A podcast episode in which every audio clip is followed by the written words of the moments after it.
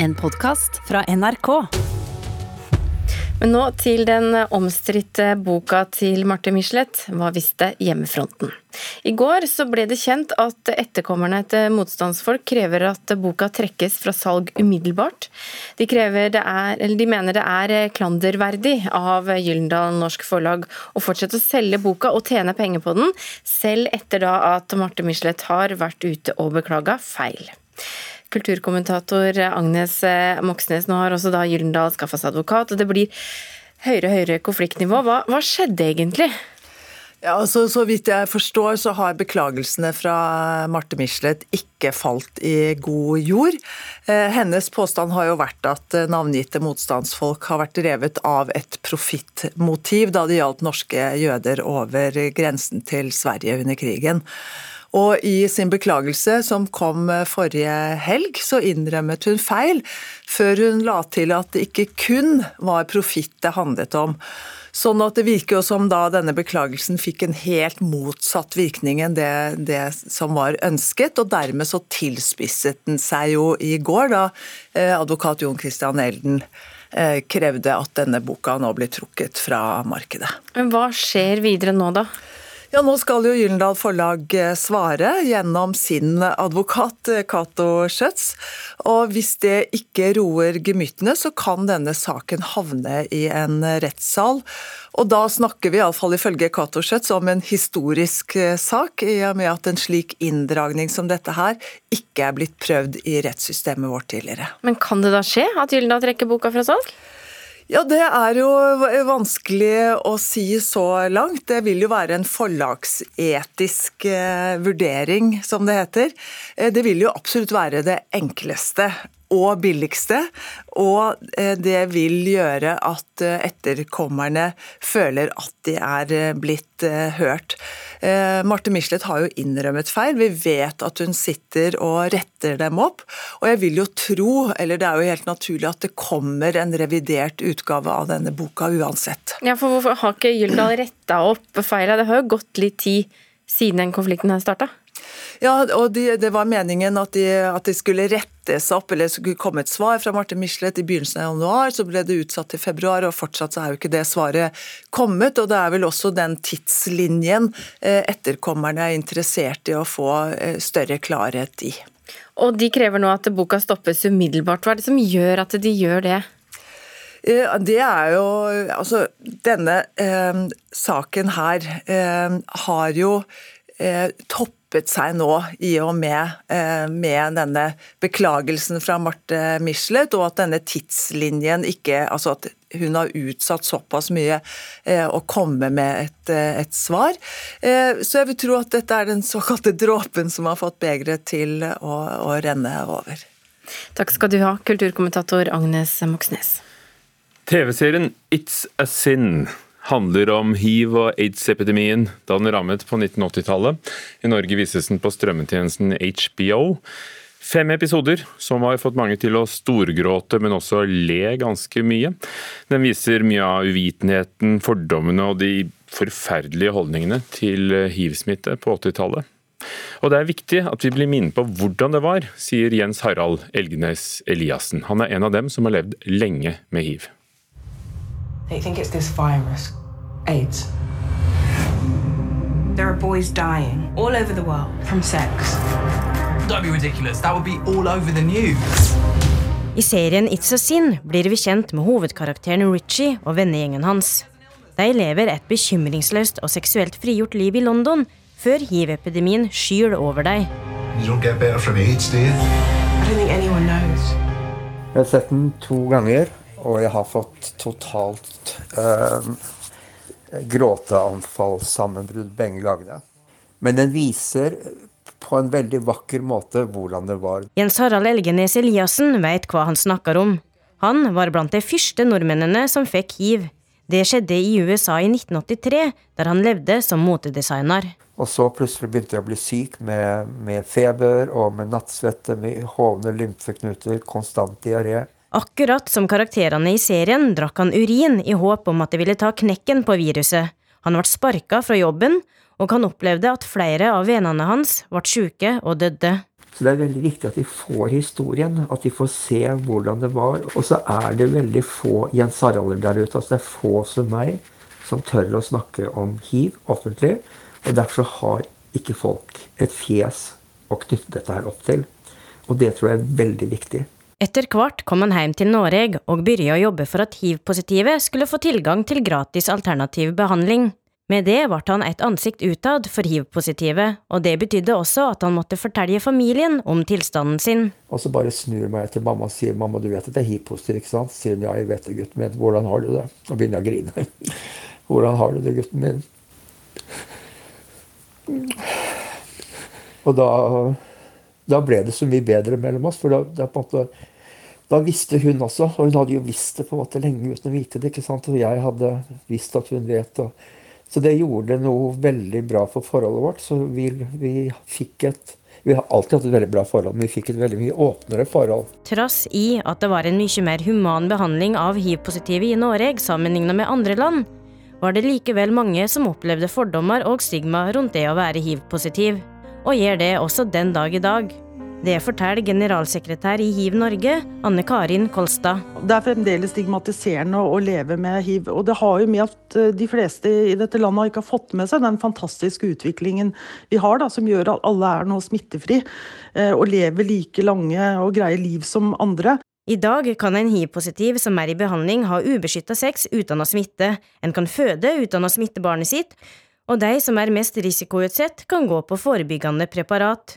Av den grunn mener Kolstad at serier som It's a Sin er viktig for å minnes det som var, for å bryte fordommer, og Så kan man igjen få et fokus på hvordan er det da å leve med hiv i dag, og at vi får med oss den fantastiske utviklingen vi har, og at det blir et tema også fremover. Jens Harald klarte å helle seg frisk i 14 år, men utvikla til slutt aids og var i ferd med å dø. Heldigvis hadde da medisinen akkurat kommet, og redda med det livet hans. I dag er han et forbilde for mange hiv-positive.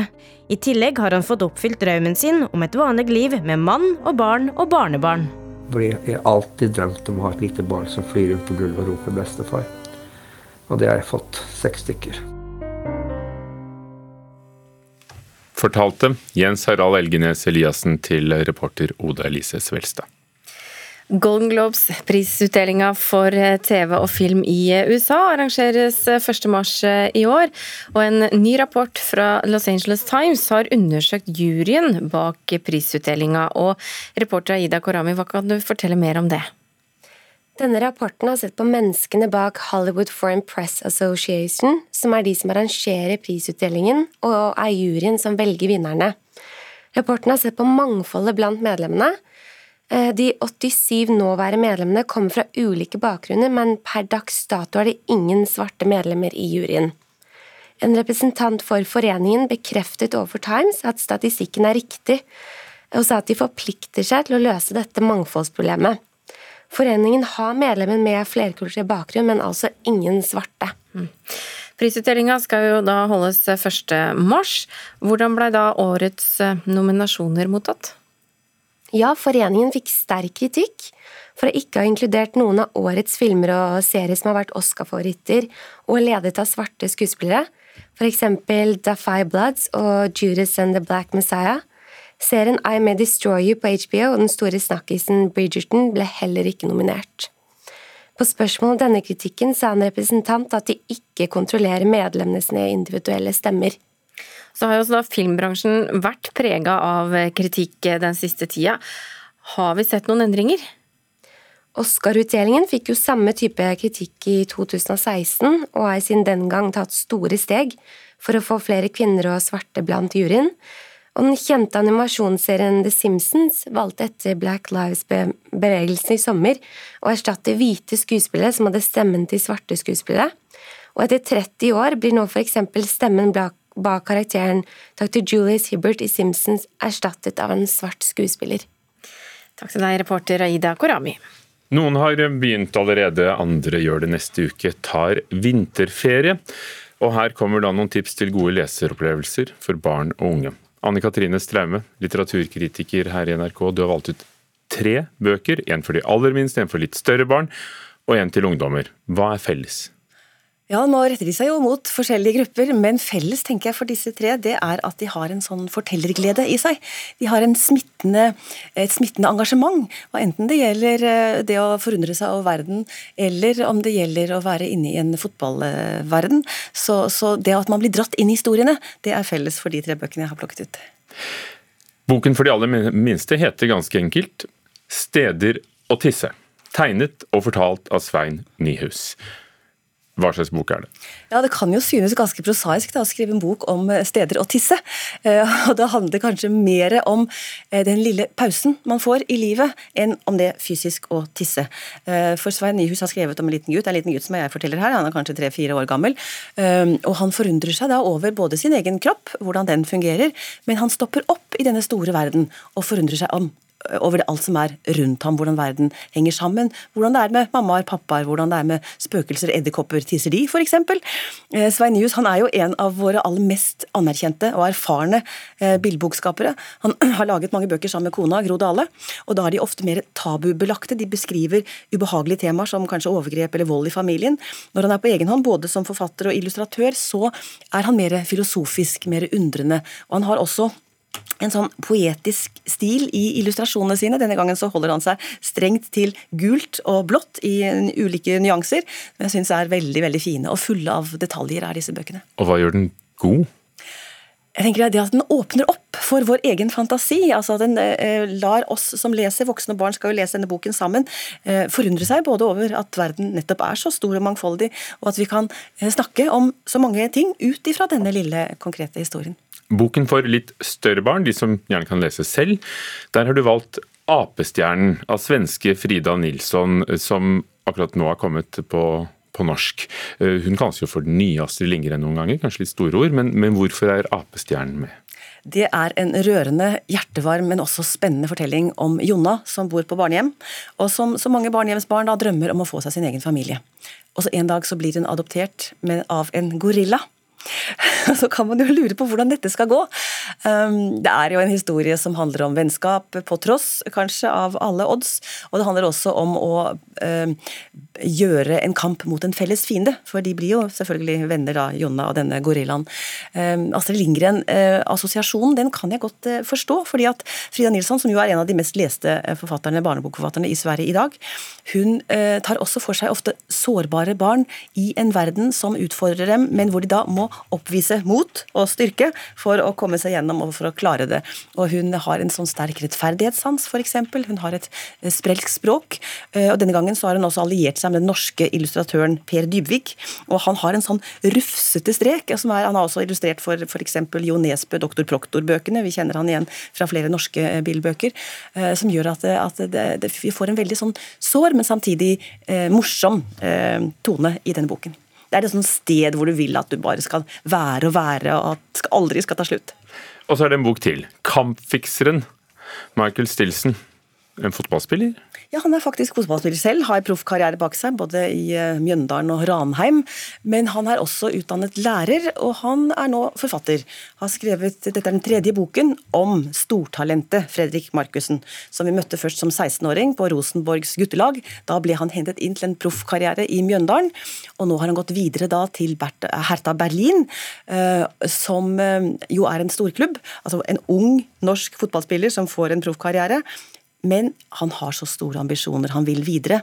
Så har han alliert seg med en agent, en sleip sådan, som får Fredrik til å fikse kamper. Han gjør noen små ting, han misser på et innkast, han eh, skaffer et gult kort, og vips så er han fanget inn i et nett hvor han heller ikke kan si stopp, fordi at da vil han også fremstå som en juksemaker selv. Så dette er en veldig spennende historie, det er den tredje i en trilogi om Markus, eh, Fredrik Markussen kampfikseren, og vi skal vel kanskje si det på norsk, da, Michael Stilson? Ja, han heter Han er jo norsk, men har også eh, amerikanske aner, da. Denne eh, Michael, eller Michael, vi kan kalle han både det ene og det andre. Passer best for de som spiller fotball selv?